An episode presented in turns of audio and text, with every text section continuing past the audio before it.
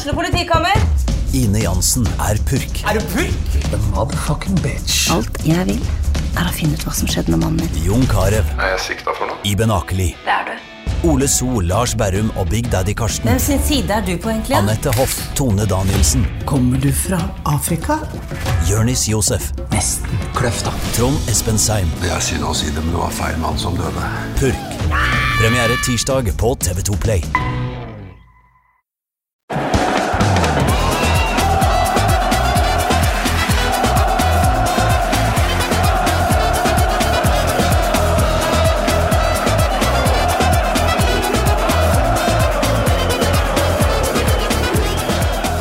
Hjertelig velkommen til en ny episode av Pyro og Pivo. Denne var en gang mye nyere enn eh, den er når den kommer ut, fordi vi sitter her fredag ettermiddag. Materialet er dagsferskt, nesten, men eh, vi sparer det til over helga. Så eh, god ny uke til dere lyttere. Mitt navn er Morten Galaasen. I dag så har jeg med meg en garva ringrev, som riktignok bare har vært med her én gang før, men som nå har sin egen podkast og greier. Det skal vi komme litt tilbake til. Men velkommen tilbake, Napoli-fan eh, Jon Hernes. Takk for det. Gøy å være her. Og så har vi en eh, debutant i form av eh, Ja, han går under kallenavnet Kål. Eh, Han er Frankfurt-supporter og heter Vegard Grandum. Velkommen til deg. Takk for det. Jeg tror folk veit hvor vi skal når jeg eh, gjør et nummer ut av hvem dere holder med i utlandet. Det For det, altså Napoli-Frankfurt forrige uke, det var, det var tilstander, Jon. Det var tilstander, og det var egentlig eh, Jeg vet ikke om vi skal gå rett dit, men For nå snakker vi ikke om sport. Nei, vi gjør jo ikke det. Og vi trenger ikke å gå rett dit, men det er dit vi skal etter hvert. Ja. eh, Det blei jo ganske stygge scener i, eh, i eh, Champions League-oppgjøret mellom Napoli og, Nei, det er bare å prate. og, og, og Frankfurt som var i uka som var. Og eh, har, vi har jo diskutert litt så rundt omkring med forskjellige sånn internettsteder og sånn. Har det skjedd et eller annet liksom, på, i, i europeisk sånn internasjonale eh, fotballkonkurranser? Er, liksom, Har vi tatt noen skritt liksom, Dette ligner jo litt på 80-tallet, plutselig. Ja, det er veldig med. Altså, Napoli by eh, så jo ut som om det hadde vært EM-kamp mellom England og Russland i gamle dager. England og Sovjetunionen. Eh, vi, vi skal jo dit, men først så må vi jo eh, være litt hyggelige mot hverandre. Og Jon, jeg nevnte jo at du har en ny podkast. Ja, jeg, jeg, jeg har jo uh, vært med å gi ut en uh, fanzine, Vålerenga-fanzine, i uh, ganske mange år. Og så har vi nå tatt da det naturlige, eh, kanskje, skrittet over i lydfanzineformatet podkast. Lydfanzineformatet? Ja. Ja, det er det, det vi kaller det. Eh, Stang ut på overtid finner du på Spotify. Gå og sjekk ut om det er noe for deg. Det er eh, i all hovedsak supporterkultur, tribunekultur vi snakker om. Lite sport, mye, mye tribune. Foreløpig. Det er to episoder som er ute nå. Det er det. Mm. Eh, holder egentlig på å spille inn nesten hver uke nå, så det, er, det går egentlig veldig greit. Folk stiller opp har lyst til å være med, og det er masse gøy å prate om. Og snart ruller jo den norske fotballen igjen, Mm. og da ser jeg ikke noe grunn til å liksom uh, trappe ned på farta. Så uh, Nei, det er, det er skikkelig moro, og jeg har fått så utrolig mye sånn hyggelig oppbacking fra fotballfolket rundt meg, eh, eh, både øst og vest, og folk som holder med langt, eh, langt fra Vålerenga. Eh, Så det har vært en utrolig kul, kul opplevelse. Eh, Jeg koser meg masse. Sjekk det ut. Ja, for um, Vegard, du og Jon var jo ikke bare uenige i Champions League-oppgjøret de siste ukene, men uh, dere er jo heller ikke enige når det gjelder norsk fotball. På ingen måte. Som den uh, Ja, du kalles jo kål fordi du Eller jeg veit ikke helt hvorfor du kalles kål, men det passer til en som holder med HamKam, tenker jeg. Ja, det er jo uh, sikkert noe Jon ville kalt bondelandet, vil jeg tro. Eh, nei uh, For du har hørt på? Ja da. ja. Og det, jeg Som HamKam-supporter så er man jo Før man er bevisst om seg selv, så hater man Vålerenga. Eh, sånn, du er fra Hamar, så sånn, uh, Oslo det er ikke greia. Så, men, uh, men selv som HamKam-supporter så, så liker jeg podkasten til Jon, og jeg, jeg syns den er veldig kul. Takk for det, det er kult å høre. Så den, eh, den går an å høres tydeligvis for andre. Jeg tror rett og slett ikke jeg kan, men, men andre kan. Andre kan. Men du har uttalt tidligere at du er Vålerenga-supporter, er det ikke det? Så det, det er vel noe som Det er fortsatt det aller sjukeste som har skjedd i Pyro Pivos historie, tror jeg. Men øh, jeg skal få sletta den episoden der. Vi må jo nesten nevne for lytterne, i tilfelle det blir relevant etter hvert, at øh, jeg tror også at øh, vi for første gang spiller inn en Pyro Pivo med en slags publikummer i studio. Fordi Christian Holum, som også har vært med noen ganger før, han sitter og drikker egentlig i hjørnet av rommet her. Og sier at han ikke skal gjøre så mye ut av seg, men vi får se. Fordi det går, han er på enhet nummer to. Vi har sittet her i seks minutter. Så det kan hende at det blir noe gauling eh, i bakgrunnen her etter hvert. Gavling Gauling var det jo definitivt i, eh, i Napoli forleden, men vi må jo ta Jeg tenkte vi prøver å lage en slags tidslinje her, da. Ja. Eh, Fordi det som skjedde, kom jo mm, i hvert fall delvis som en konsekvens av at Napoli by bestemte seg for at her skal ingen bortesupportere være eh, denne gangen. jeg, Men jeg ville begynt litt før det. ja, Fordi jeg tror du nesten kan begynne før bortekampen. Altså før første kampen oppgjøret i Tyskland. I Tyskland. Da var det jo allerede da veldig mye eh, rart som skjedde. Det var bl.a. ingen Napoli-bannere eller flagg oppe. Det var veldig mye nye sånn stickers og sånn om et sånt fanfreundschaft mellom da eh, Eintracht Frankfurt og Atalanta, som er en av Napolis eh, eh, liksom argeste fiender. de er ikke noe glad i hverandre. De er ikke det. Og der også var det jo noe som jeg ikke helt har kommet til bunns i, men hvor det også var noe slåssing internt på tribunen til Napoli, hvor du så det var noen unge som skulle gjøre noe, og så kom det noen gamle folk, og plutselig så ble jo kameraet selvfølgelig borte. Men at det var, det, det var noe rart allerede da i, i, i lufta rundt det oppgjøret her som var veldig sånn giftig. Og øh, noe jeg, jeg tror aller Altså grunnen til at den øh, litt sånn underlige reaksjonen til Jeg vet ikke helt hvem jeg er i Napoli. De sier Napoli by, men en by kan jo ikke bare vedta ting. Det er jo en eller annen myndighet. Jo, men altså det, det har vært mye rart i europeisk fotball. fordi da um, Union møtte Union i Løyven i Belgia i høst mm. Fordi dette um, belgiske Union uh, Saint-Gilloise de um, har jo ikke stadion bra nok til Europa. Så de spilte gruppespillskampene sine i en annen by. Og um, da var det sånn at uh, borgermesteren i Leuven i Belgia eh, rett og slett uh, nekta berlinere, eventuelt tyskere som helhet, å komme til byen på kampdag. Eh, så det virker at, å være mulig da, at um, lokale myndigheter faktisk kan eh, ta sånne beslutninger. Men eh, hvem som har tatt den i Napoli, det veit vi ikke.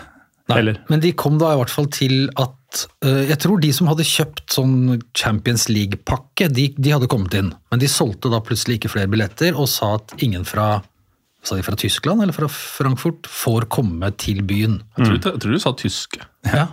Tyskere er ikke Ja. velkomne i byen. Nei, det pleier jo å funke å si Ja. tyskere. Ja, altså, det er jo en Det er jo en øh, Jeg vet ikke, kan man si det? liksom Kunne du sagt det i Oslo her? sånn, Nei, svensker får ikke være i Oslo den dagen. Altså, jeg kan ikke helt se for meg hvordan det skal liksom hvordan det skal gjennomføres. og hvordan, altså Fotballsportere er vant til at om det er juridisk greit eller ikke, det er det ingen som tar hensyn til. For man blir jo behandla annerledes uh, veldig ofte uansett. Men hvordan de hadde tenkt at dette her skulle håndheves, det aner jeg ikke. altså. Men de hadde jo tydeligvis en eller annen idé om at dette her skulle Ja, da, da blir det sikkert ikke noe bråk, da. Nei. Og der tror jeg de har undervurdert grass, altså fundamentalt hvor godt organisert tyske ultras har blitt etter hvert. Eh, Det er nok, Der ligger de nok milevis foran eh, i hvert fall Italia. Ja, for man kan si mye positivt eh, med rette om eh, både mentalitet og tribunekultur og sånn i eh, Italia generelt, og spesielt Napoli. Men kanskje spesielt Napoli eh, Altså, organisering er kanskje ikke det de er best kjent for, og har mest eh, skal vi si, erfaring med. Uh, Nei, altså, så er jo ikke jeg liksom supergodt kjent sånn på bakkeplan i uh, deres supportermiljø, men de der enormt velorganiserte greiene som du ser i Tyskland, det, det har du ikke i noe særlig grad, uh, eller ikke i samme grad i hvert fall, der. der.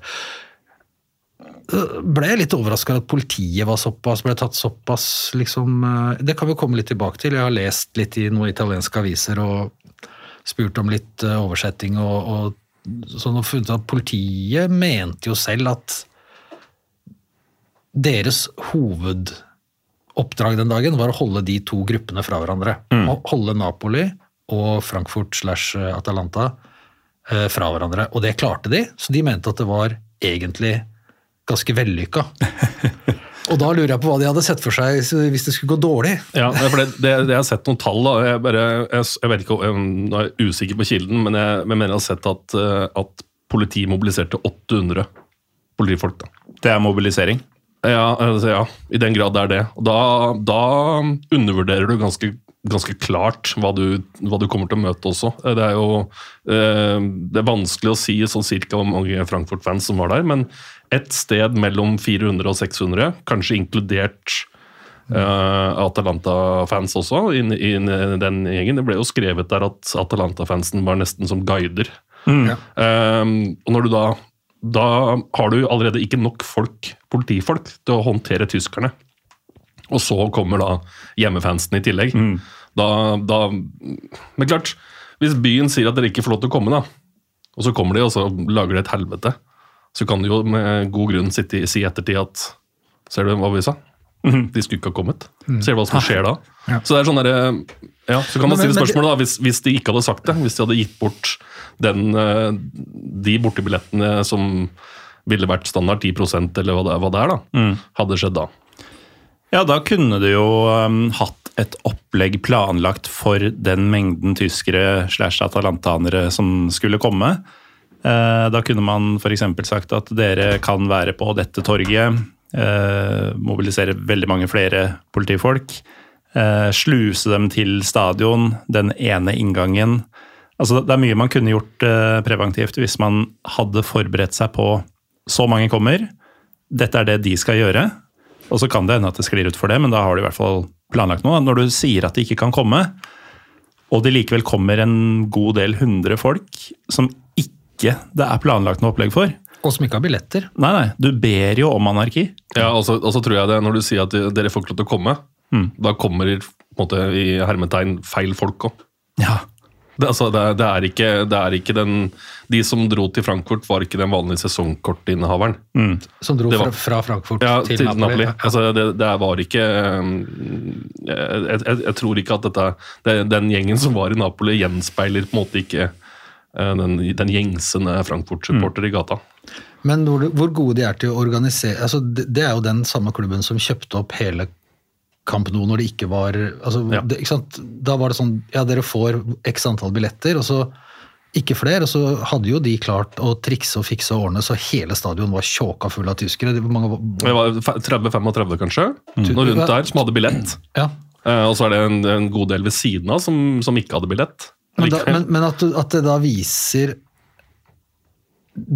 både arrangørklubb og by og politi at her, her har du å gjøre med liksom et ganske velorganisert fanopplegg. da. ja. Uh, jeg syns det er veldig rart at ikke de på et eller annet vis uh, tok konsekvens av det ved å enten være mye mye strengere, eller bare si ok, velkommen, her har dere 20 000 billetter. Og som du sier, vær på dette torget, og så ja. Ja, for det var, på, var jo på den eh, kampen mot Westham i fjor, etter Barcelona. Eh, Da var det jo en del, var det jo helt vanlig, du fikk billetter til bortetribunen, men de hadde blokkert sånn at ingen fra Tyskland kunne bestille billetter på resten av tribunen. Mm. Ja. Heldig for meg så booket jeg i Tyskland, så det gikk fint. Um, men da var alt i orden.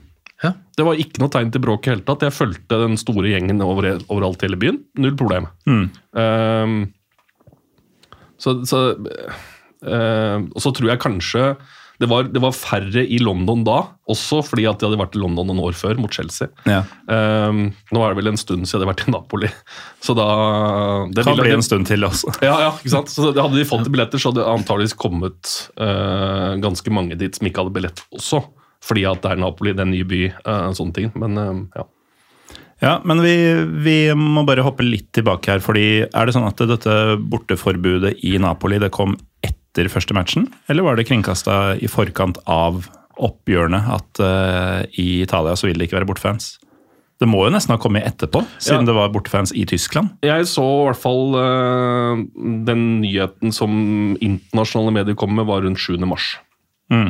Eh, men det kan godt hende at den, at den har kommet lenger før, men det var da de større avisene begynte å melde om det. Eh, men, jeg, men jeg har ikke funnet noe konkret dato. Men, eh, Jeg har bare gått ut fra at det kom etter den kampen. Jeg, jeg har ikke Ja. egentlig tenkt noe mer på det, men ja, det tror jeg. Det er jo mest logisk i og med Ja. at det var mye krøll i bortesvingen altså mellom Napoli-supporterne.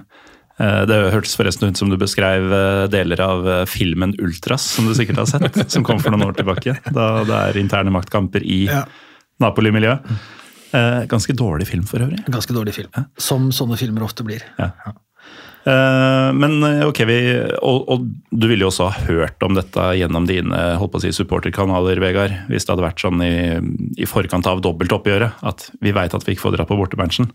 Så det er mest nærliggende er å tro at dette kom etter første oppgjør, som for Ja. øvrig endte 0-2. Eh, altså Napoli vinner 2-0 i Frankfurt. Eh, og så kom jo da denne nyheten tilsynelatende. Reaksjonen blant Frankfurt er jo åpenbar, at dette digga vi ikke. Men mm. hva slags inntrykk har du av at Altså, hva, hva tror du Jon Napoli-fans og napolitanere generelt tenkte om at eh, å, det blir uten tyskere? Det, det, det øh, aner ikke, Nei. faktisk. øh, jeg har snakka med noen etter kampen, og, og da har de jo litt sånn oppfatning av hva de syns, som ikke nødvendigvis er så pen. Men uh, jeg tror at i Italia så funker sånne ting mye greiere. De, de er liksom vant til at det kommer noen sånne rare beskjeder, og så forholder man seg til det eller ikke. men øh, jeg, jeg tror ikke de syntes det var så sensasjonelt at de ikke kunne være bortefans. Jeg tror det skjer liksom innimellom. Så, Eh, Men, men det, det veit jeg ikke. Eh, Det, om det var liksom Om de ser på på det som en potensiell liksom, krenkelse av alle fotballsupporteres rettigheter, eller om de bare tenker vel, vel, det går over, neste gang så er det noen andre. Eller, altså, Det, det veit jeg ikke. Nei, eh, men eh, tyskerne, altså, eller Frankfurt-fansen, Vegard, Vegard, de eh, reagerte jo da ved å tenke, i hvert fall deler av dem, eh, fuck it, vi drar likevel. Vitende om at vi kommer ikke inn på stadion. Og som du sier, det i seg sjøl eh, trekker jo kanskje en litt annen gruppe folk enn de som bare prøver å finne en vei inn på stadion likevel. Ja, altså både, både fansen og klubben sjøl gikk ganske hardt ut mot det, mot, det, mot det forbudet. Og det er jo ikke så overraskende at klubben er med, fordi eh, vi må jo si litt om er det styreformann eller president eller hva tittelen er her, men mannen som vil at stadion skal brenne. Ja, Petter Fischer. Ja, det jeg har jo vært litt eh, om han i det siste også. Nei, han er jo en type som, eh, som på alle mulige måter er på fansens side. Han eh, er jo med på alle bortekamper og, og kjøper pils til gutta i pub, på puben. og det er liksom sånn, Han er, eh, han er fansens mann, eh, og er pga. det også enormt populær. da. Men så var det vel et styremedlem, Reske, Reschke, som hadde gått ut og var liksom klubbens talsmann i det tilfellet her, og, og sa at det her er, det er helt forkastelig. Vi kan ikke drive på sånt. Så, øhm, så kan man jo si i ettertid om, om, det, om det er riktig eller galt. Men, eh, men jeg er ikke så overraska med tanke på øhm, deler av de ultrasgrupperingene eh, i Frankfurt og deres uh, fanfreundschaft med, med gutta i Bergamo, at det her det er jo en høyrisikokamp på alle mulige måter. Ja, altså det er veldig altså Det jeg vil kalle kjernelytterne til Pyro og Pivo, eh, i den grad de ser på Champions League, sikla nok rimelig bra under trekninga da disse to lagene skulle møtes, for det er jo tribuneoppgjør i altså absolutt verdensklasse. Eh, både på og utenfor tribunen, holdt jeg på å si. Så at det mm, at det var høy risiko forbundet med begge oppgjøra, det er jo heva over enhver tvil. Men du fjerner jo ikke akkurat risikoen da, ved å Nei. nekte holdt på å si, ordentlige fans og, og, og dra for å se kampen. Og heller invitere da, til det som nå var i ferd med å skje.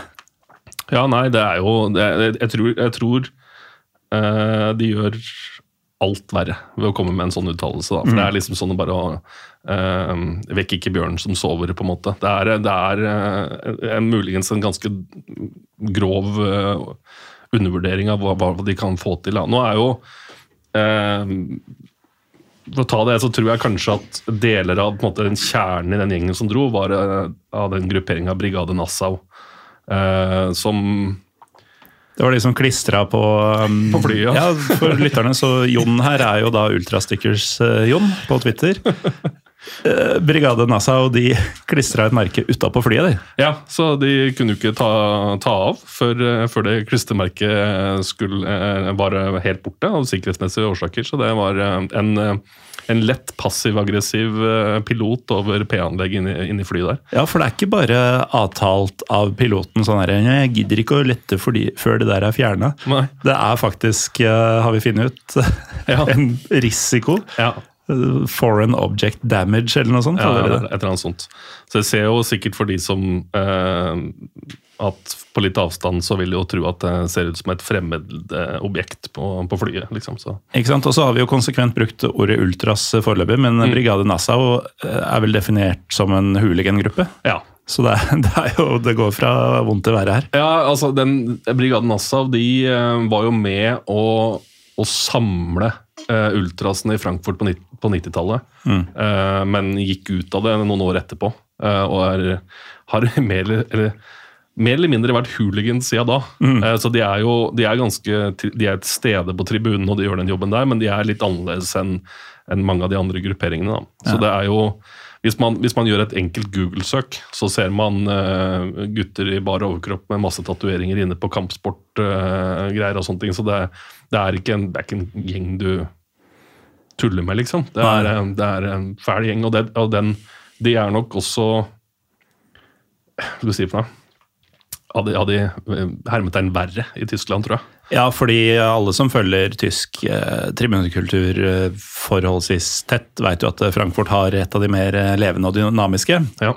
og det gjelder jo da de fleste kategorier. Da. Og i, i, vi kan, siden vi har vært inne på dette med organisering I Tyskland så er det jo veldig klart skille, nå blir det litt sånn supporterteknisk her, men ultras og hooligans er to vidt forskjellige ting Ja.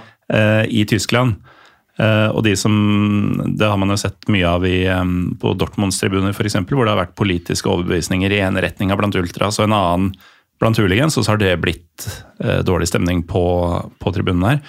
Eh, sånn fungerer jo tysk tribunekultur, men eh, Jon, i eh, Italia så er det kanskje ikke mm, Altså, hvem som helst kan kan finne på hva som helst, Ja, er mitt ja, inntrykk. Ja da, det er ikke så, ikke så velorganisert og så sånn definert som det er i Tyskland. eh, Det er det ikke. Eh, Og så syns jeg det ser ut som dette, er bare, dette blir bare noe jeg har gått og tenkt på, men jeg syns også det ser ut som den derre at de grensene er blitt mer flytende eh, sånn post-covid i, i Tyskland nå. At du har en mye større del av supporterne eller ultrasene som har liksom Voldelige tilbøyeligheter. eller, altså, som deltar i vold. Da, at, du, at du har fått noen sånne litt sånn litt sånn, sånn knuse alle dassene-avtale-oppførsel. Som jeg bare Hærverk? Ja, som rett og slett bare er hærverk. Som jeg syns er litt sånn Nei, det, det kan bedre enn dette her, tross alt. liksom. Det, det, Dere er voksne mennesker. jo, men altså, det, altså at det har blitt en sånn ganske sånn Starten på en veldig Eller gryende veldig sånn destruktiv eh, atferd på en del altså klubber som ikke har spilt i Europa på, på, på mange, mange, mange år. Og så får du da en gjeng av eh, Av blanding da av eh, ultras og hooligans som liksom herper så mye at de, de da fikk de den ene kampen da med publikum, og så får de ikke sett resten. Da, da tenker jeg at det, det er et eller, annet, et eller annet som er litt på, på feil spor, rett og slett. Eh, som Tyskland eller som tyske lag ikke hadde tidligere, som jeg syns virker eh, som en ny ting, som jeg ikke er så begeistra for, hvis jeg skal være helt ærlig. Fordi jeg syns jo tysk supporterkultur er utrolig fint, fett. Det er masse masse folk, og det er masse folk på de, liksom alle divisjoner, og de har en fantastisk eh, eh, liksom tribune med masse pyro og masse flagging, og det er liksom farger, og det, det er, de er veldig gode, da.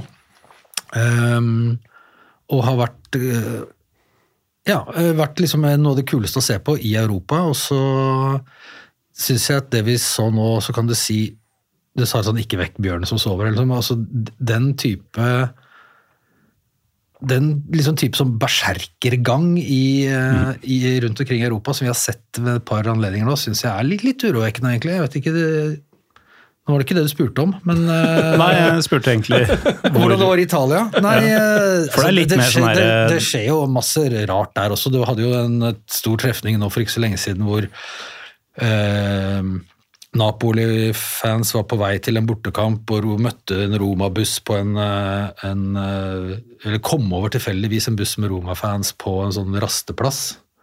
Tilfeldigvis.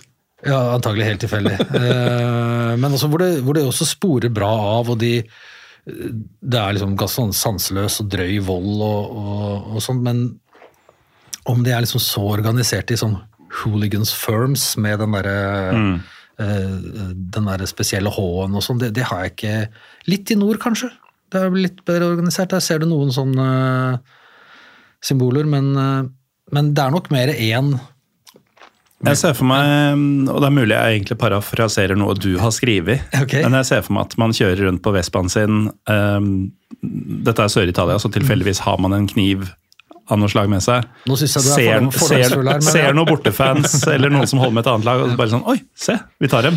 Ja. Jo, at det har vært mer altså Når Mer tut og kjør. la, lag har spilt bortekamp i Napoli og blitt utsatt for vold, så har det ikke vært sånn store sånn 400 organiserte i svart med like balaklavaer og, og. Northface-jakke og, 400 i liksom. og, og kevlarhansker. Men som du sier, de kjører noen forbi, og så ser de noen fra et annet lag, og så er de kanskje, står de og skråler og sånn, så kjører de forbi, og så blir stikkeren i skinka eller et eller annet sånt noe. Og at det er sånn, eller fire stykker banker opp noe, altså mer sånn, mer sånn altså sånn gatevold, som egentlig jo ikke er stilig på noen måte, men det har vært mer av den typen hendelser, da, Ja. Enn de der store trefningene mellom eh, store grupper. Ja, for det, det er jo en ting her da, at det er jo veldig lett å peke eh, med rette òg på bortefansen i dette tilfellet her. men, det må eh, være men, ja, men eh, det er jo ikke sånn at eh, det var en fight mellom Frankfurt-fansen og politiet. Eh, så det var en, en, en god gruppe Napoli-fans som ifølge Avhengig av hvem du spør, starta eller var med. Eh, Ja, jo, så det det var sånn, det, ja. Så det er sånn uh, jeg, jeg, det, det, det som er interessant her, er jo egentlig om, om deler av det her er organisert fra begge sider. At det, at det, at det er et eller annet de har snakka sammen. At de, altså, eh, Frankfurt-fansen ble jo geleida gjennom byen til en piazza, der politiet stengte det inne.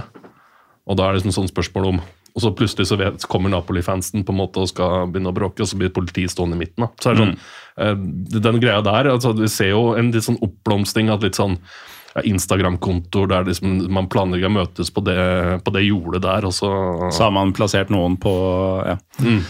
Um, ja, altså det, det, Uansett uh, foranledning og organisering, og sånn, så er det jo da en god del hundre Frankfurt-fans som drar til Napoli likevel. Eh, man kan jo spørre seg hvorfor, vi har vel kanskje svart på det. De skal, eh, de skal dit. Uh, Vitende om at eh, det blir ikke noe match. Eh, kanskje har de planlagt å møte noen, kanskje har de bare tenkt å se hva som skjer. Men det er jo altså De som drar, er jo De er ikke skuddredde. Fordi altså, Jeg drar ofte opp dette når jeg prater om Napoli, men eh, en, han som, eh, en som jeg har andre podkaster med, eh, Jim Fosheim, han var på eh, bilferie i eh, Italia for en del år tilbake. Skulle leie bil ved ankomst. Og da han skulle eh, fylle ut disse skjemaene, og sånn, så ble han spurt spesifikt skal du til Napoli. ja. For i så fall så Jeg husker ikke helt om han måtte da ha en annen forsikring, eller om han ikke fikk forsikring. Men det var spesifikt den ene byen. Det var ikke sånn 'skal du til dette generelle området', eller 'skal du til Sicilia'. Det er sånn 'skal du til denne byen', da må vi gjøre noe helt annerledes. Ja. Og så, så du har jo liksom Napolis rykte som en litt uh, shady, må være lov å si, uh, Jon. Vi, vi skal snakke om hva Napoli egentlig er, for du har vært der mange ganger. Men ryktet er at det er ganske shady, høy kriminalitet. Uh, så har du selvfølgelig, altså drar du til Italia som fotballpøbel, så veit du at det fins carabinieri, eh, som ikke er så jævla hyggelige folk alltid. Og så er det jo Napoli har jo sin egen mafia. Altså sånn, de andre mafiaene tilhører områder. Igjen her er det sånn Denne byen har sin egen mafia, eh, Camorra. Så du, du drar jo inn Du mener alvor når du bestemmer deg for å dra hit for å lage faen. Ja, det er jo ikke en, jo ikke en uh, sjenert og innadvendt gjeng som, som drar. Uh, på ingen som helst måte. Jeg tror nok at eh, de dro dit med hensikt, og det var ikke å støtte laget i fotballkampen som den kampen var avgjort i de første fem minuttene av den første kampen. Eh, men så, er, de er der for for å slåss.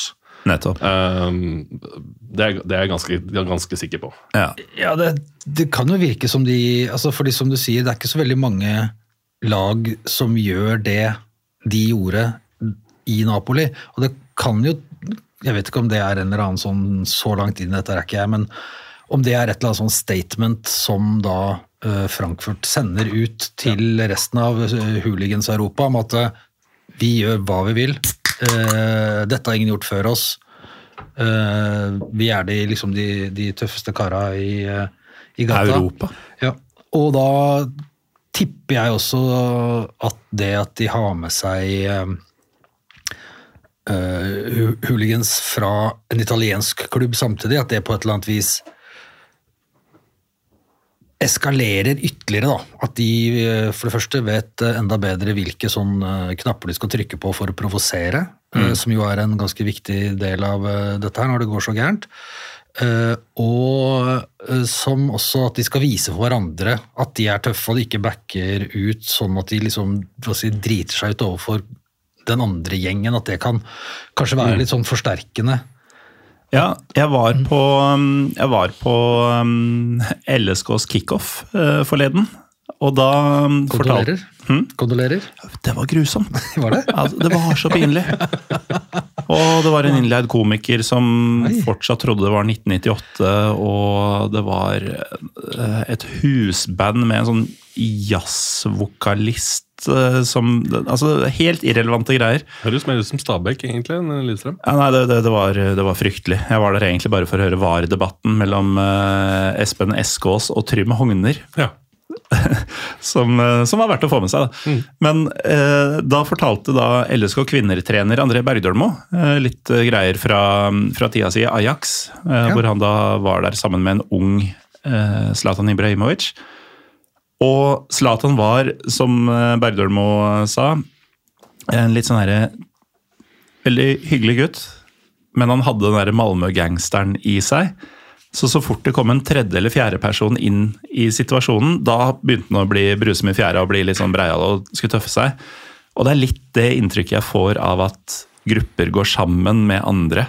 At da blir det sånn herre Vi er sånn her til vanlig, men nå skal vi faen meg vise dem rundt oss at eh, vi, vi er next level, at vi er ekte. Mm. Altså, det, det, det er veldig sjelden har jeg inntrykk av at det fører noe godt med seg. Da. Eh, Så kan jo folk i forskjellige miljøer kanskje har et annet inntrykk av hva som er godt, men det å blande grupper eh, på tvers av både land og klubber og sånn for en felles aksjon, det blir ikke noe mildere. Nei, det gjør ikke det. Og det, det tror jeg Jon har helt rett. i. Jeg tror at eh, hvert fall jeg vet ikke om, Det vi ikke vet, er om dette her var planlagt før det forbudet kom. Eh, det er jo vanskelig å si, eh, men jeg tror i hvert fall ikke at kontakten mellom Bergamo og Frankfurt ble noe mindre etter det, det forbudet. Da. begynte man nok å legge planer også. Tror jeg Frankfurt-fansen plasserte seg ganske strategisk midt i byen et sted for å, for å lokke fram, egentlig. For nå eh, har ikke jeg hørt eh, nøyaktig hva den eh, gjengen der sang på den piazzaen, men at det var noe spesielt pent om Napoli by, tror jeg ikke vi skal tro at det var. da.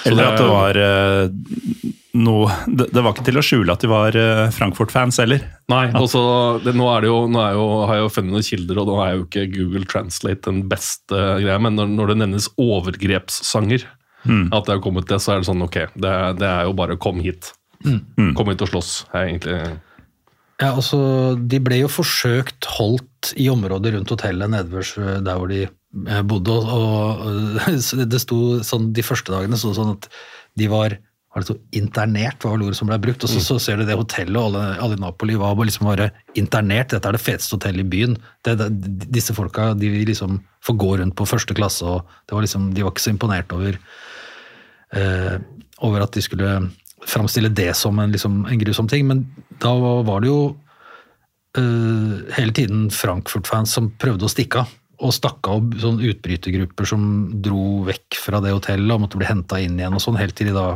liksom klarte å spre seg i så mange grupper at de kom seg inn til den der hva er det heter? Jeg husker ikke. En eller annen piazza i nærheten. Mm. En eller annen piazza. Det er Italia, dette her. Det er piazza. Ja, jeg husker ikke hva den het. Gues Gues, Gues, Gues, Gues, Nuevo en sånt, Ja. ja. noe sånt, et eller annet sånt. Men ok, eh, dette skjer jo da. Eh, Frankfurt er i sentrum av Napoli, eh, sammen med Atalanta, og påberoper seg, eller krever oppmerksomhet. Får jo det, for å si det pent. Altså, vi må jo rett og slett fortelle hva som skjedde, for de som ikke har sett eh, bildene. og sånn. Det er jo fuckings krigssone. Ja, det, det, det, ser, det ser ut som en krigssone. og det, sånn eh, El Freunde har lagd en, en artikkel nå som prøver å forklare litt hva som skjedde. da. Eh, og De sier at eh, Frankfurt-fansen var på den piazzaen, og det er kun veldig veldig trange gater inn og ut av den piazzaen, der politiet egentlig prøver å sperre det inne. Eh, og så er det jo et begrenset antall politifolk. Hvis det er 800 det tallet er riktig, så, så er det jo bra med folk, men Det er jo så vidt flere enn disse folka som er her for Ja. å Og de er forberedt på at politiet skal stå imot deg, så, Ja. så de, de er klare. Ja, og da, da, da i hvert fall de sier at om, eh, Det er vanskelig å si antallet, men 100-150 Napoli-fans prøver å komme seg inn på den piazzaen, og, og da har ikke politiet kjangs til å stå imot. Og da er egentlig helvete løs. Eh, Og da prøver jo Politiet prøver å få Frankfurt-fansen eh, tilbake på noen busser som har stått i nærheten her, for å kjøre dem tilbake igjen til havna. Eh, det er nok det er Du var ikke er så interessert i å gå bort? Nei, det er, ikke en saueflokk som sier ok, greit, da drar vi. Så de, de slår jo tilbake, og da blir jo politiet stående egentlig i midten av det her. Um, og øh, biler blir satt fyr på litt sånn forskjellig. Visstnok av napolitanere. Men, Mye øh, brennende biler. ja, det, det er i hvert fall det som jeg har sett. Det er, sånn, det er godt mulig det er bare én av de mange, mange bilene som er satt fyr på, men det, det, er, det, det utarter seg ganske mye da, til politiet på et eller annet tidspunkt får kontroll på situasjonen. Eh, Det, tidslinja der den er vanskelig, den har ikke jeg eh, funnet noe særlig ut av. i hvert fall. Nei, ikke heller. Jeg vet ikke hvor lenge det foregikk heller, for det er sånn når du ser liksom klipp, så så ser du jo veldig ofte at det er, det, det er, det er liksom mye av det, det samme som skjedde, bare filma fra forskjellige vinkler og, og sånne ting, så det er klart øh, Men, men det, det var det, var, svært- det var som du sier, det, var politibiler som brant, det var øh, skyting av liksom raketter og bluss inn i folkemengder, det var masse, masse slåssing, det var folk med motorsykkelhjelm og lange køller som altså det, det, var, det var virkelig Altså, det kunne vært årskavalkadeskrytevideoen til en eh, suksessrik hooligangruppe. Fordi alt faenskap skjedde. Ja, så ser du, Hvis du lagde en ny film nå om hooligans, da, så er dette her på en måte sånn uh, uh, eh, Det som er en del av introen. Altså Du ser de her eh, fire politifolka som står i en liten ring, og det bare hagler stoler og bluss og alt mulig mot dem. Ja. Mens de prøver å komme seg unna. Det er litt sånn eh, Det er ganske voldsomme, voldsomme greier. da. Ja, det, er noe av det sjukere jeg har sett, eh, faktisk. Det, det jeg har sett av videoer og bilder fra der. Og dette, dette er jo byen din, eh, Jon. Åssen Ja. føltes det å sitte hjemme og Nei, jeg reagerte litt sånn emosjonelt. Jeg ble ganske pissed off, egentlig. For jeg syns jo det er en Altså øh, Og jeg syns jo det er Altså jeg, jeg syns ikke noen oppførte seg bra og noen oppførte seg dårlig. Her syns jeg alle oppførte seg dårlig. Jeg syns det var helt ræva å se på. Men det er noe med hvis du går liksom uh, apeshit i sentrum av en, uh, si en tysk by, da, og kaster stoler gjennom Mækkern og Espresso House og Deutsche Bank og, og sånn. Men her ødelegger du liksom eh, Her er det jo ikke kjeder. Her er det alle sjappene, alle barer, alle restauranter, alle kiosker. Det er enkeltmannsforetak. Det er alt eh, Altså, det er, det er små, lokale bedrifter som får herpa liksom eh, sjappa si, og det er det de lever av, og det er eh, Det, det er jævla det, det er, dette er, Hvis du sier at å knuse Mækkern, det er liksom victimless crime. Mm. Men dette er noen som får ødelagt, eh, ødelagt liksom Levebrødet sitt. sitt. Eh, og så er det noe med også Jeg vet ikke, eh, å se på, se på den typen sånn rasering av noe jeg liker, altså som jeg er glad i. Jeg reagerte, jeg ble ganske forbanna, faktisk. Jeg gjorde det. Eh, det. Og jeg så jo no, noen Noen var litt sånn der at de begynte å heie på sitt eget politi, liksom. Sånn derre eh, Nå håper jeg liksom politiet får tak i dem og sleper dem inn. Altså, jeg tenker at det er også en emosjonell reaksjon, det er ikke liksom rasjonelt. Men, men det, var, det var ganske provoserende, ass. Det var det. Det skal jo sies at det er heller ikke første gangen at Frankfurt havner i søkelyset av sånne ting. Det er, vi skal ikke lenger tilbake igjen til Sevilla og Europa League-finalen. Da noen eh, skotter eh, fra Glasgow tenker at det sikkert er smart å kaste litt ølglass på Frankfurt-fansen, og det, det eksploderer ganske fort. Du får svar med en gang, da. Men jeg, men jeg, jeg, jeg tror at, jeg, tror at eh, tyskerne eh, tenker litt sånn at ok, vi får ikke lov til å komme til byen, men vi skal eie den når vi først er der. Den, er, den byen her er vår. Uh, og til dels uh, lyktes de også med det, fordi at de var såpass mange. da. Det er, det er, det er noen fly nedover med, med 600, liksom. Så det, men, men det er, det er jeg jeg er enig med Jon. Jeg tror den utviklinga der er ganske litt sånn halvskummel. Da, til de, de grupperingene klarer å moderere seg sjøl. Og regulere seg sjøl. Så er spørsmålet i stor, stor grad det er det. Brigaden Nassau er godt over 100 stykker. Ja. Uh, og de, er, de vokser nok også. Og der kommer vi til et eller annet som kan få ganske sånn kjipe konsekvenser for det med regulering. Det, altså, dette kommer jo ikke Uefa eller Europa eller de får, eh, til å sitte og se på veldig mye lenger. Nei, De kommer ikke til å se på dette og si oi, shit, dette skjer når vi ikke tillater bortefans. Vi må ha bortefans hele tida. Det, det er jo ikke den retninga Uefa kommer til å gå i. Antageligvis, eller ja, skjer dette, nå har det jo skjedd noen ganger, men altså, hvis dette her fortsetter, så kommer de til å, å innføre tiltak, f.eks. at du ikke får lov til å ha stående ståtribuner i Europa, f.eks. Ja. Eh, ikke kommer til å selge bortebilletter, at det blir liksom gjengs overalt. Eller at du innfører liksom all-seater i flere land. Det er jo noen EM som skal arrangeres. Kan det få konsekvenser for det? Ja, Eh, bygge så- nye stadioner og modernisere stadioner og sånn, og da blir jo en del av pakka fort. Ja, eller, eller, eller at det, det blir færre og færre på stadionene. Det er liksom sånn at, de, at ultrasene til slutt bare blir borte. De dør fordi de blir for regulerte også. så det er liksom ikke noe sånn som Jeg, jeg har jo vært i England i noen tilfeller. Stått på The Cop på Anfield. Reist meg idet det nesten blir mål. Fått beskjed av vakta om å sette meg inn. Altså det er, Hvis vi kommer dit Det er jo en eh, På er Emirates liksom- har du en varslingstjeneste hvor eh, du kan melde fra til vaktmannskapet dersom noen rundt deg står for mye eller hoier for mye. Ja, ikke sant. og sånn. Da er vi, da er vi sånn, sånn 60 000 all family. Liksom det er sånn eh, Jo, og så og, og, ja, der er det jo en slags når, altså det, det kommer jo da under eh, Thatcher i England.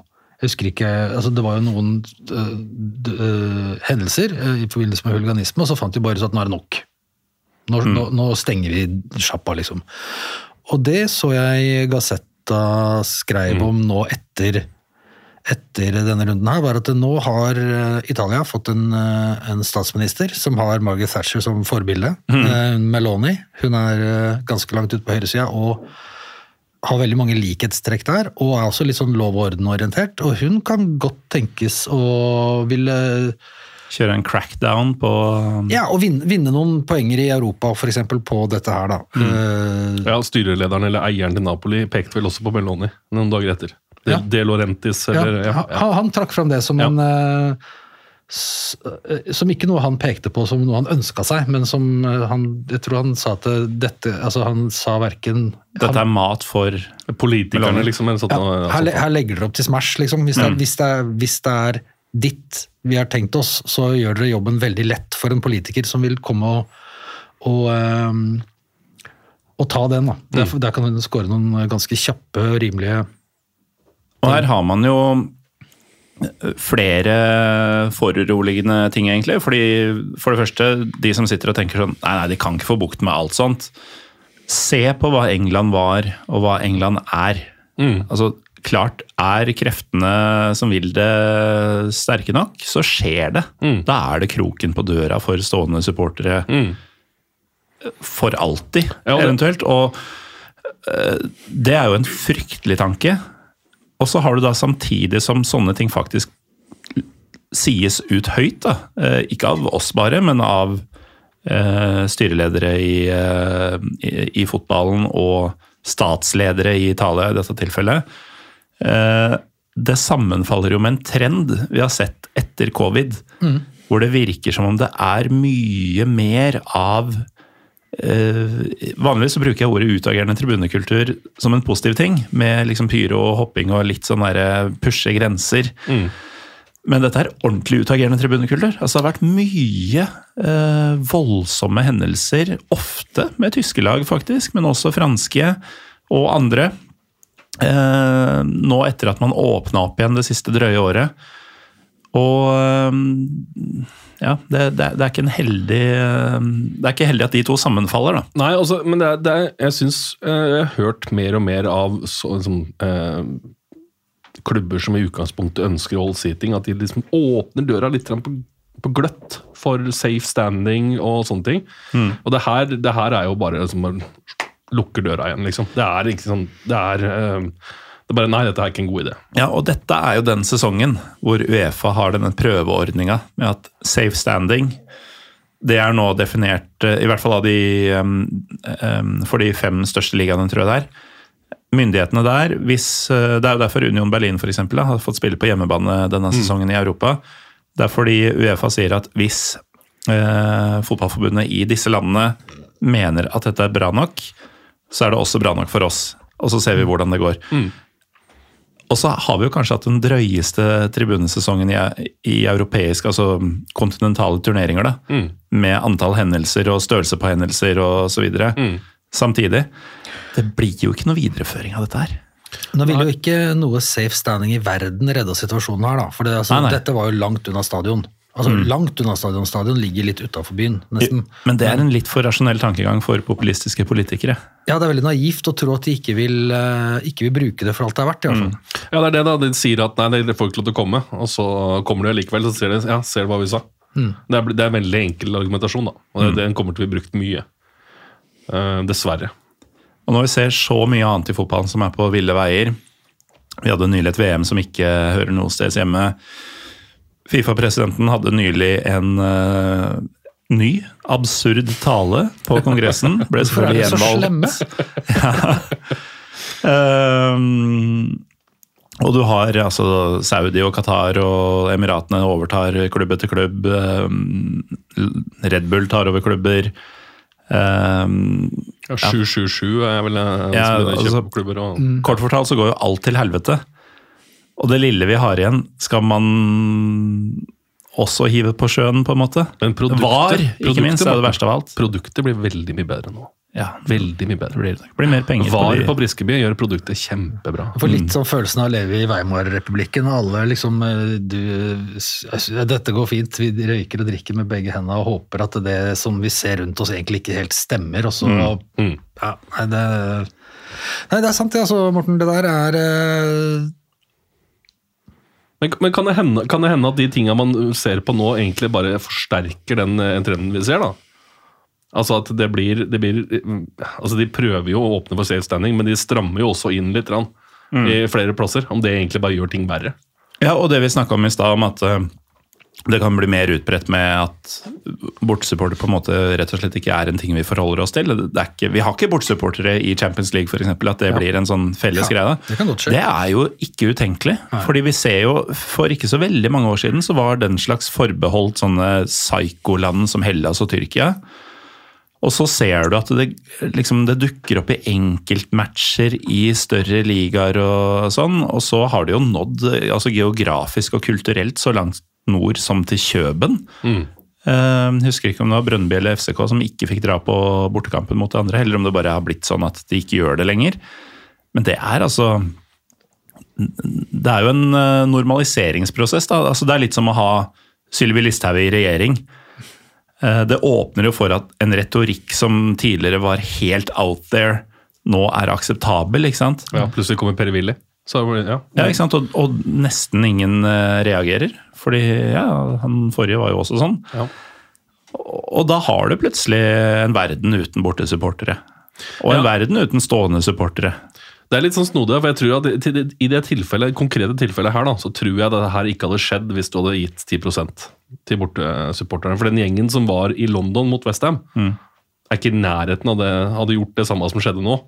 Det var liksom det, det drøyeste, og da, da mener jeg drøyeste jeg så da, var at eh, noen klistra en uh, klistrelapp på lakken på en Audi A8. Det var det drøyeste jeg så. Og så drakk man på en park. Det som skjedde Det liksom, i, i Napoli nå, ville ikke skjedd. Eh, ting kunne ha skjedd, Ja. for all del. Men ikke i det omfanget uansett. Ikke det her. Nei, jeg tror ikke de hadde mobilisert så mange hvis, de hadde, hvis det på en måte hadde vært en vanlig bortekamp. eh, sånn sett da. Men tror du de mobiliserte så mye fordi de var provosert over å ikke få billetter? Eller fordi de, fordi de skulle liksom vise at de turte å, å liksom gå inn i Napoli med, med liksom uh, all guns blazing? Jeg tror, jeg tror det er sånn eh, at eh, ikke fortell oss hva vi kan og ikke kan gjøre. Nei. Jeg tror at uh, den mobiliseringa, den, den skjedde etter forbudet. Ja. Det er min tanke da. Jeg tror ikke de hadde planlagt det her i flere måneder. Jeg tror de kasta seg på og kjøpte de billettene som fantes, og kjørte bil og busser og det som kunne ned, ned, ned dit. Um, jeg tror at hvis den, de vanlige vi kalle det vanlige supporterne i Frankfurt hadde sittet på piazzaen der, drukket noe øl, spist litt pizza, kosa seg Nei, hadde ikke skjedd. For, tror, for det første så tror jeg at uh, hooligansene tenker på dem også. Jeg tror de tar høyde for at det her er det ikke bare hooligans, og tenker at her skal vi ikke lage noe bråk, sånn at den gjengen som har kampbilletter også, skal være trygge og ha det ålreit. Så det kan at det har skjedd en annen plass i byen, sånn sett, men jeg tror, jeg tror ikke de hadde de hadde, ikke, de hadde ikke invitert så fælt. Nei, det blir jo selvfølgelig spekulasjoner fra vår side, men det, det er jo altså Frankfurt har gjennomført en rekke ekstremt vellykka borteturer, eh, både i Tyskland og spesielt i Europa, som folk har lagt merke til over flere år nå. Um, og det har jo vært uh, en eklektisk gjeng med supportere hver eneste gang, inkludert disse Brigade Nassau og, og andre, uten at det nødvendigvis har blitt fullstendig kaos. Men eh, dette skjedde.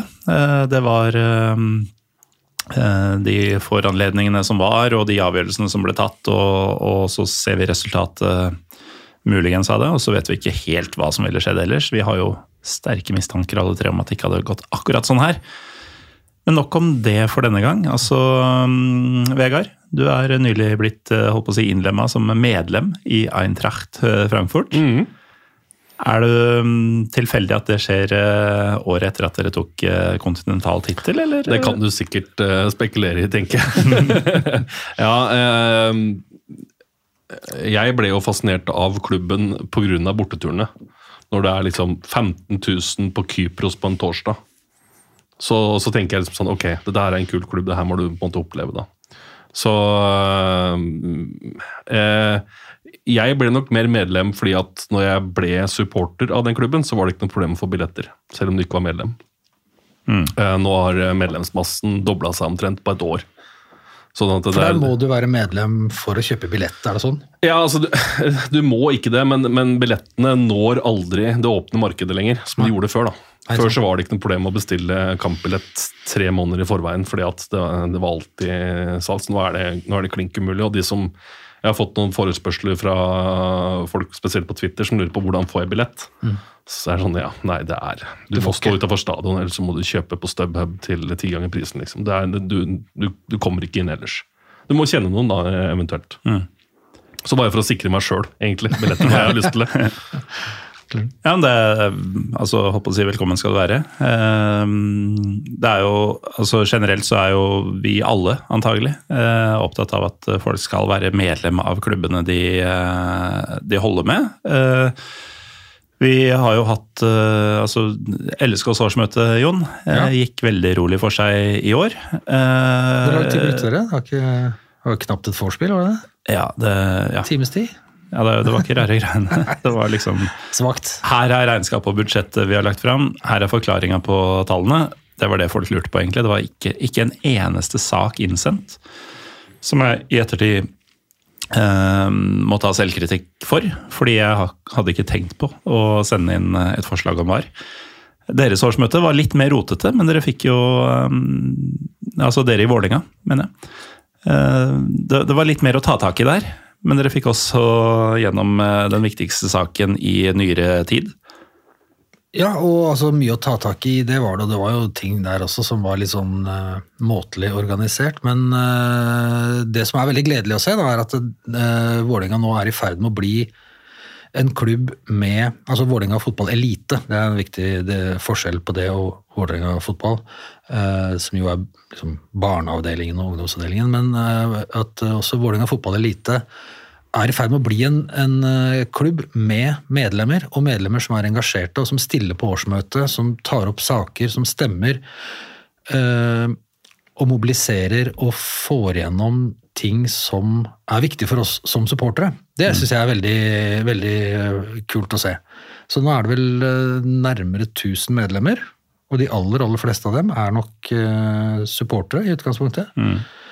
Og fikk da stemt gjennom ikke at klubben skal være mot VAR, men at når neste TV-avtale skal forhandles Så skal man aktivt motarbeide det. Riktig. er Fordi, jo fordi at Den avtalen er jo gjort nå, og den gjelder. så Det å være imot VAR nå, det blir litt sånn som å være imot eh, snø, liksom. Det, eller regn. Eh, Det, det, er for en periode.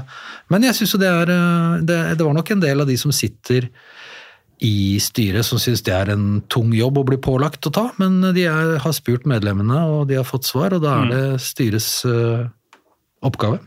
så er det ikke så jævlig vanskelig å stemme nei og prate imot på diverse ting og sånn heller. Men eh, uansett, eh, bra jobba. Og um, det gir jo et visst håp. da. Nå så man jo at eh, svenske klubber hadde en avstemning også, hvor det var solid flertall blant svenske klubber om å ikke innføre VAR i det hele tatt. Siden dette er for en periode i Norge, nå er ikke dette en VAR-episode, men det, er, altså det, det, det ødelegger hele sesongoppkjøringa for meg, viten om at det kommer. Ja, altså, jeg skjønner ikke hvordan Sverige skal klare å henge med med de andre europeiske klubbene nå. Jeg, jeg tror de faller langt bak når de ikke var. Hvem er det som gidder å spille i Sverige nå, liksom? Jeg skal ikke skjønne det. Nei, og de som var liksom sånn sportslig spydspiss i utgangspunktet, så det kan kommer til å bli tungt for dem. Ja, Nei, men altså, altså, Spillerne i Norge har jo også vært imot. Det var jo en eh, sånn Det har vært litt delte meninger. Det er noen som er eh, veldig Ja, altså- for òg. Men eh, av de spurte i diverse målinger, så har de fleste vært motstandere av det. De vil jo at spillet skal gå sånn som de er vant til. De vil ikke ha masse stopp og Ja, sånne ting. Men uansett, dette er da tilsynelatende noe man kan gjøre noe med på sikt. Fordi det er som du sier, Jon, for en periode nå. Det er for denne TV-avtalen at man har innført eh, VAR. Denne avtalen kommer til å skulle selges på nytt om noen år. Da kan, hvis folk som hører på er våkne, eh, kan vi ha et eh, Vi kan være føre VAR, som Ja. noen sier. på Hamar er vi ganske sikre på at vi kommer til å rykke ned pga. VAR. At det her kommer aldri i verden Mm. Alle til å gå 20-triksa deres Ja, ja. kommer til å bli Ja, altså, vi, til å, vi, vi, er helt sikre på at liksom, VAR sender oss ned. Og så er jo det en sånn ja. Men at det var et sidespor. Ja, et sidespor. Det var et solid sidespor. Eh, vi, vi, nå har vi snakka så mye dritt om både Napoli og Frankfurt at uh, det er jo en grunn til at du meldte deg inn i klubben, og at du drar på bortekamper i Europa og sånn. Altså, Ja. Jeg har vært så vidt innom Frankfurt, Uh, bare på en lengre mellomlanding på vei hjem fra et, et eller annet sted. Uh, det var ikke nødvendigvis uh, altså Førsteinntrykket av byen er ikke det mest sprudlende jeg har sett av en tysk by, men uh, fortell litt om uh, hvorfor, uh, hvorfor du har det gøy i Frankfurt. Ja, altså det, det er um, Førsteinntrykket av byen Frankfurt får man jo gjerne når man går ut av jernbanestasjonen. Eh, og det er jo Der har um, der har de en jobb å gjøre, for det førsteinntrykket er ikke spesielt bra. Der er Vi var der en gjeng for noen år siden, og da våkna vi om natta at det gikk narkomane rundt og sang Céline Dion. Sånn i tretida om natta der. Og når vi skulle stå opp om morgenen, så måtte vi tråkke, passe på å ikke tråkke på sprøyter og sånne ting. Eh, så det er en veldig veldig delt by. Ja, for det er jo Tysklands finanssentrum. Ja, og så har de liksom eh, eh, Området rundt jernbanen er helt krise. Ja. Der er- Brigade Nassau holder til der. Eh, ja, skulle i hvert fall Noen av de fetteste kneipene er i hvert fall der. Eh, nei, altså er, så er vel eh, Frankfurt den, en av de få Kanskje den eneste byen i Tyskland med en ordentlig skyline. De kaller det jo bare for Manhattan, sånn, eh, fordi at det er en eh, det er en, mini-Manhattan, egentlig. Sånt. Men uh, Oppkalt etter elva Main, Ja. for de som ikke fulgte med. Ja. Uh, men det er, det er ehm, den, den, er, den er veldig delt, men når du kommer deg vekk fra jernbanen, så er det liksom enten kan du velge de små, brune kneipene i de kule liksom Grünerløkka-områdene, eller så har du finanssentrum med bare skyskraper og sånne ting. Da. Men det er veldig mye finanssentrum der. Det Ja, er det. absolutt. det er en veldig rik by. Det er der du har hovedkvarteret til øh, de store selskapene og sånn. Alt det der ligger der i- i Frankfurt, gjør ja. ikke det? Ja. Jo. Jeg tror i hvert fall Kommersbank, som er en ganske stor tysk bank, har uh, hovedsenter der. Og, Commerzbank Arena. Ja, det er jo helt Noen krise. bilfabrikker òg, eller? I- Nei, jeg, Ikke? jeg tror ikke det. Jeg tror det ligger i, som i Rohr, eh, eller sånn, eh, sånn Leverkosten, Bayern-områdene og sånne ting. Og Volkswagen er vel i Wolfsburg og sånne ting. Da. Men, mm. men jeg tror det er, mye, det er veldig mye børs og sånne ting der.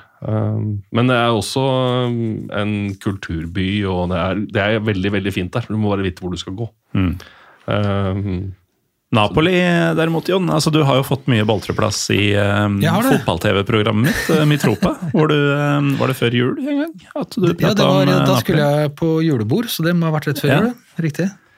Um, der er det det som står igjen, da, etter at Frankfurt har vært her. Det, er- det, er, det er mer enn nok å få med seg. ja, for det ble, borte, det ble borteseier utafor stadion, selv om det ble hjemmeseier inne på stadion? eller? Jeg vet ikke om, Hvis man kaller det en seier, så vet jeg ikke helt. Men, Nei, det er jo også eh, måler suksess da, selvfølgelig, Ja, det, er, det er forskjellige måter å måle det på.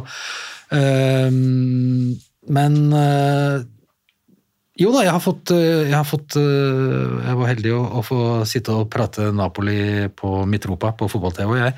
Um, der er det jo altså, helt fullstendig, eh, vil jeg tro. Jeg har bare vært i Frankfurt litt sånn kan ikke egentlig jeg husker noe særlig av hva jeg så og ikke så. Det var kjapt inn, kjapt ut. Men Napoli er en veldig, sånn, det er en veldig levende by. Det er en by med veldig mye som du sa, sånn trange gater. Hele sentrum er jo det. Det er jo en av de aller, aller eldste byene i Europa, så den tåler nok et besøk av Frankfurt-fans eh, når du har hatt besøk av eh, eh, liksom alle alle liksom kriger eh, under sola siden eh, 4000 år før eh, vår tidsregning. Så det rister nok Napoli av seg, men eh, Neapolis, den nye byen, det var i utgangspunktet en gresk by.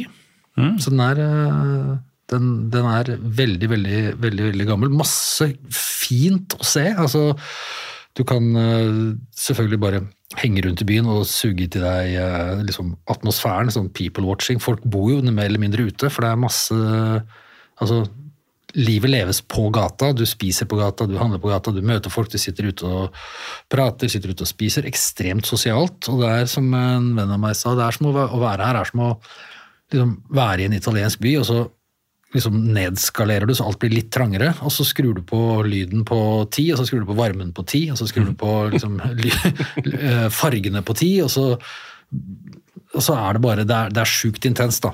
Og veldig, veldig kult. Og nå er jo byen kledd Det er lenge til serien er ferdig? Tre, to, to og en halv måned? Ja, to måneder. Ja, men er, nå er det flagg med liksom eh, Campioni, og det er lagd statuer av alle spillerne som er stilt nedover i en trapp med drakter, og det henger, det henger bannere fra liksom alle verandaer. Det er, det er eh, ja, altså, De er i gang å feire liksom eh, sin første Scudetto siden 1990. Tror jeg. Jeg er utrolig dårlig på årstall, men Ja, 89 eller 90. Altså Ja. det, er det, det er perspektivet, da. Over Ja. 30 år. ja. Så, Og det var ikke mange før det heller. Nei, nei, nei. Og, og, så, så den byen er virkelig i ferd med å, å, å koke fullstendig over. Og øh, jeg skal ned og se en kamp nå i mai.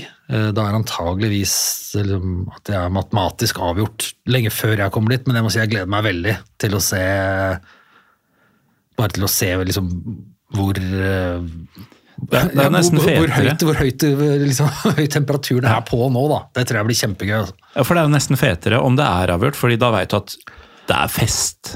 Hver eneste match blir jo en fest.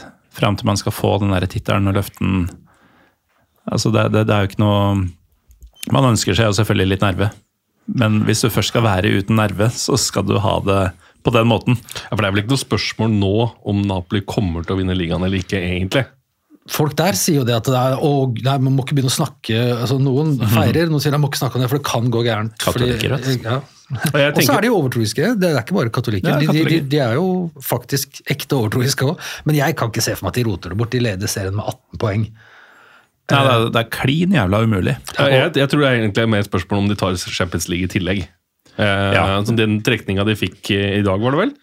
Den, Ja, den, den var, var- Det er jo så tett på som en drømmetrekning som du kan få. Det, altså, veien til finalen der er jo Hva er veien til finalen? ikke, ikke, ikke si vidåpen, for det er den ikke, men, men det var en bra trekning. Ja. Jeg er helt enig, det var en bra trekning. Det Jeg har jo fikk sett, eh, eh, Milan, altså Milan i neste kamp. Ja.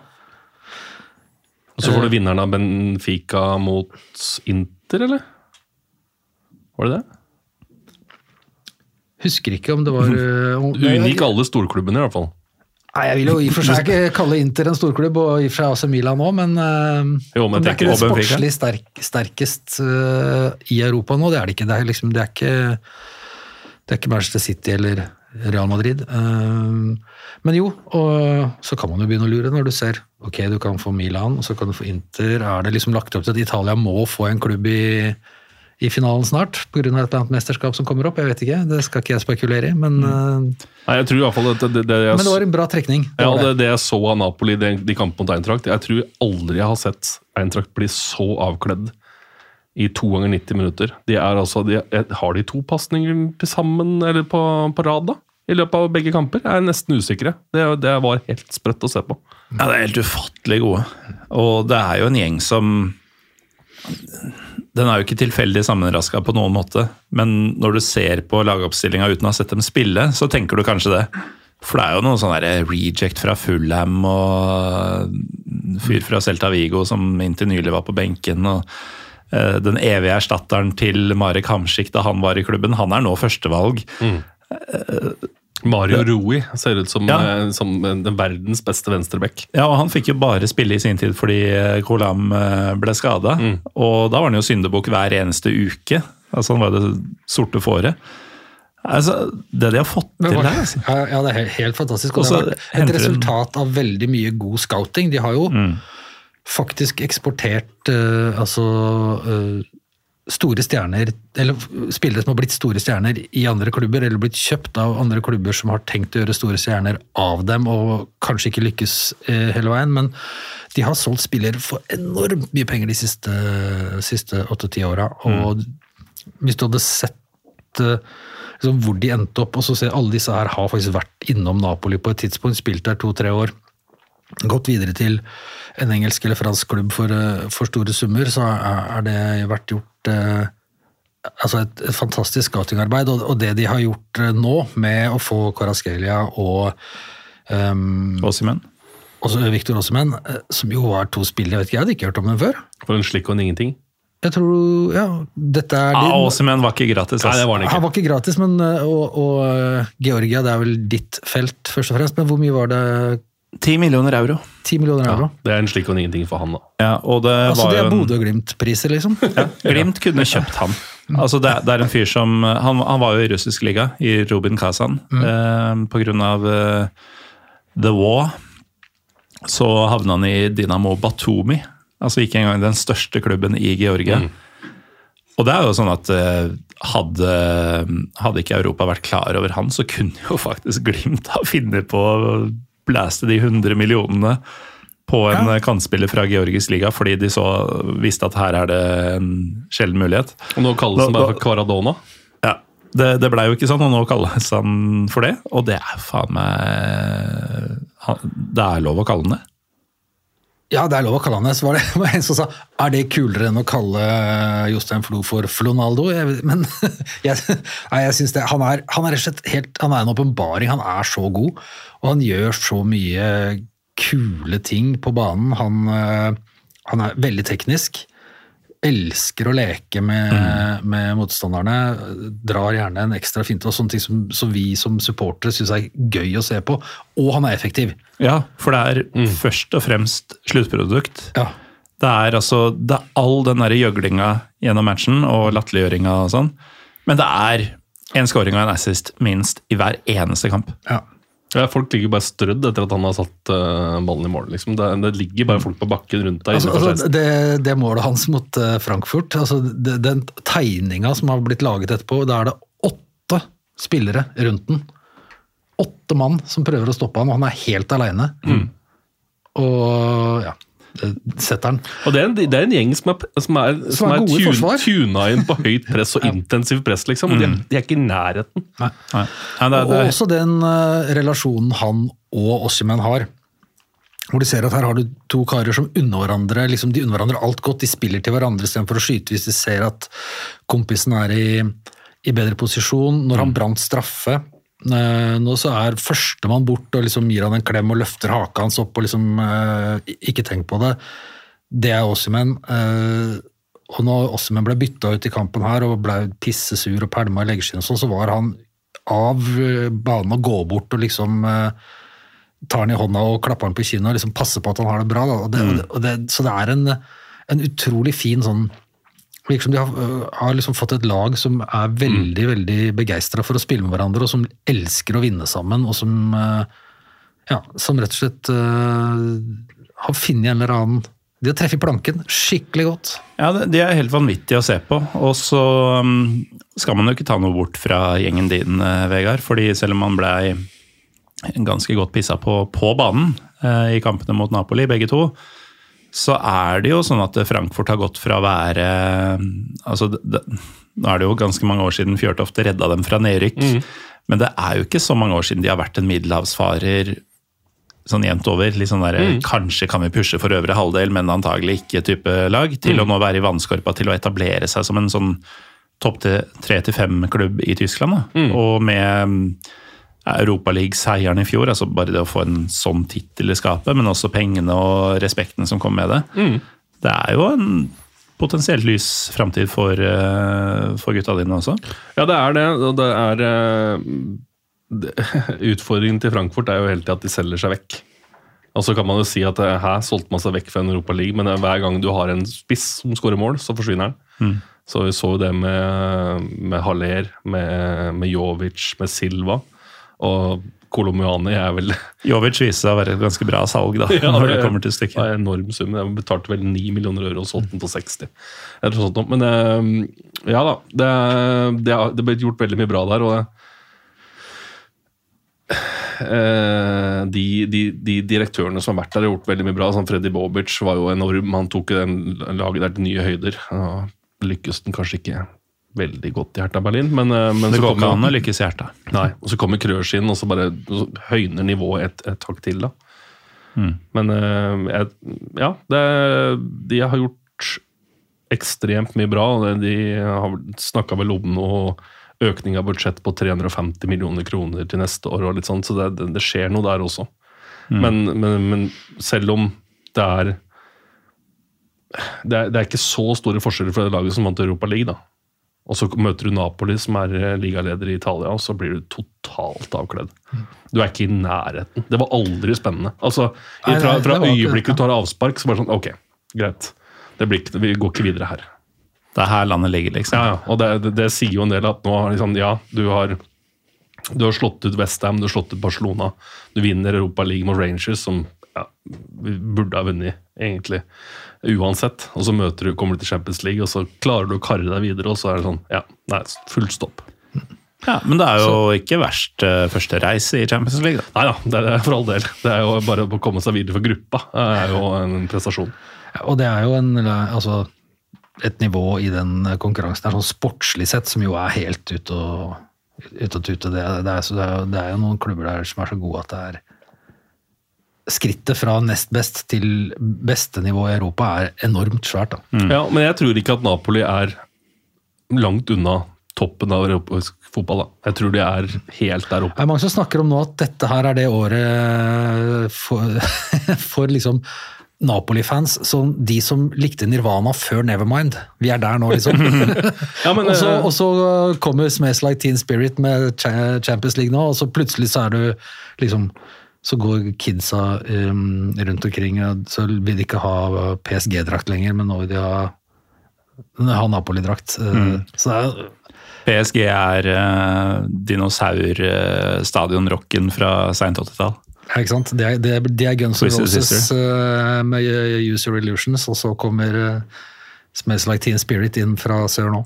Og så er jo spørsmålet da, hvor lenge blir Osimhen uh, f.eks. i Napoli? Altså, Det kommer noen klubber der som trenger spisser. Som mm. de store itali- engelske klubbene, eksempel, som er fysende på en spiss som skårer litt mål. Ja, og så de virker bare- som de har en såpass sånn dårlig plan med ting at de har dritmye penger, og så kjøper de en fyr som er veldig god et annet sted, og jeg vet ikke om du passer inn i klubben eller ikke, men så kan Mm. vi ha han på benken litt, da, og så kan vi spille. Men, men altså, sånn er det. Eh, de, Skal de vinne Champions League, så må du gjøre det i år.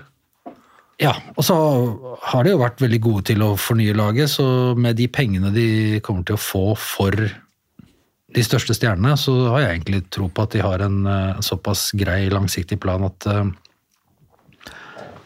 ja, at dette, dette er eh, det, altså, Bare det å vinne Serie A, vinn Serie A for guds skyld, og så, så, er det, så er det en fantastisk sesong. Da er vi kjempefornøyde. Og det har kommet så langt i Champions League allerede er jo en suksess. Ja, Det er det, det som er litt utfordringen med, Napoli nå, å prøve å gjenskape det Frankfurt gjorde i en del år, og selge de beste spillerne sine, hente inn nobodies fra gata, og så er de vel så gode, om ikke bedre enn de som allerede var der. Det blir jo spennende med, de, med det materiellet Napoli har. da.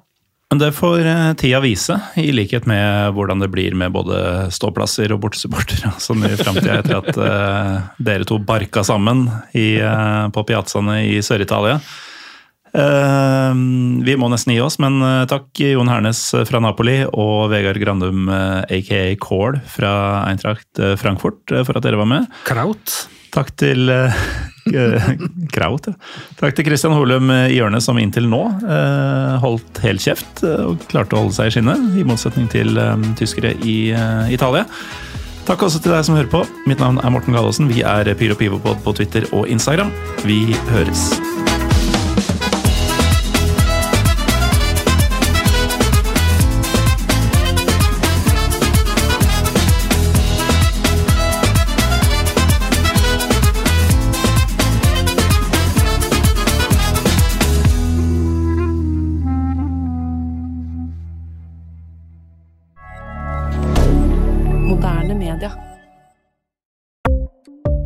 Ukens annonsør er HelloFresh.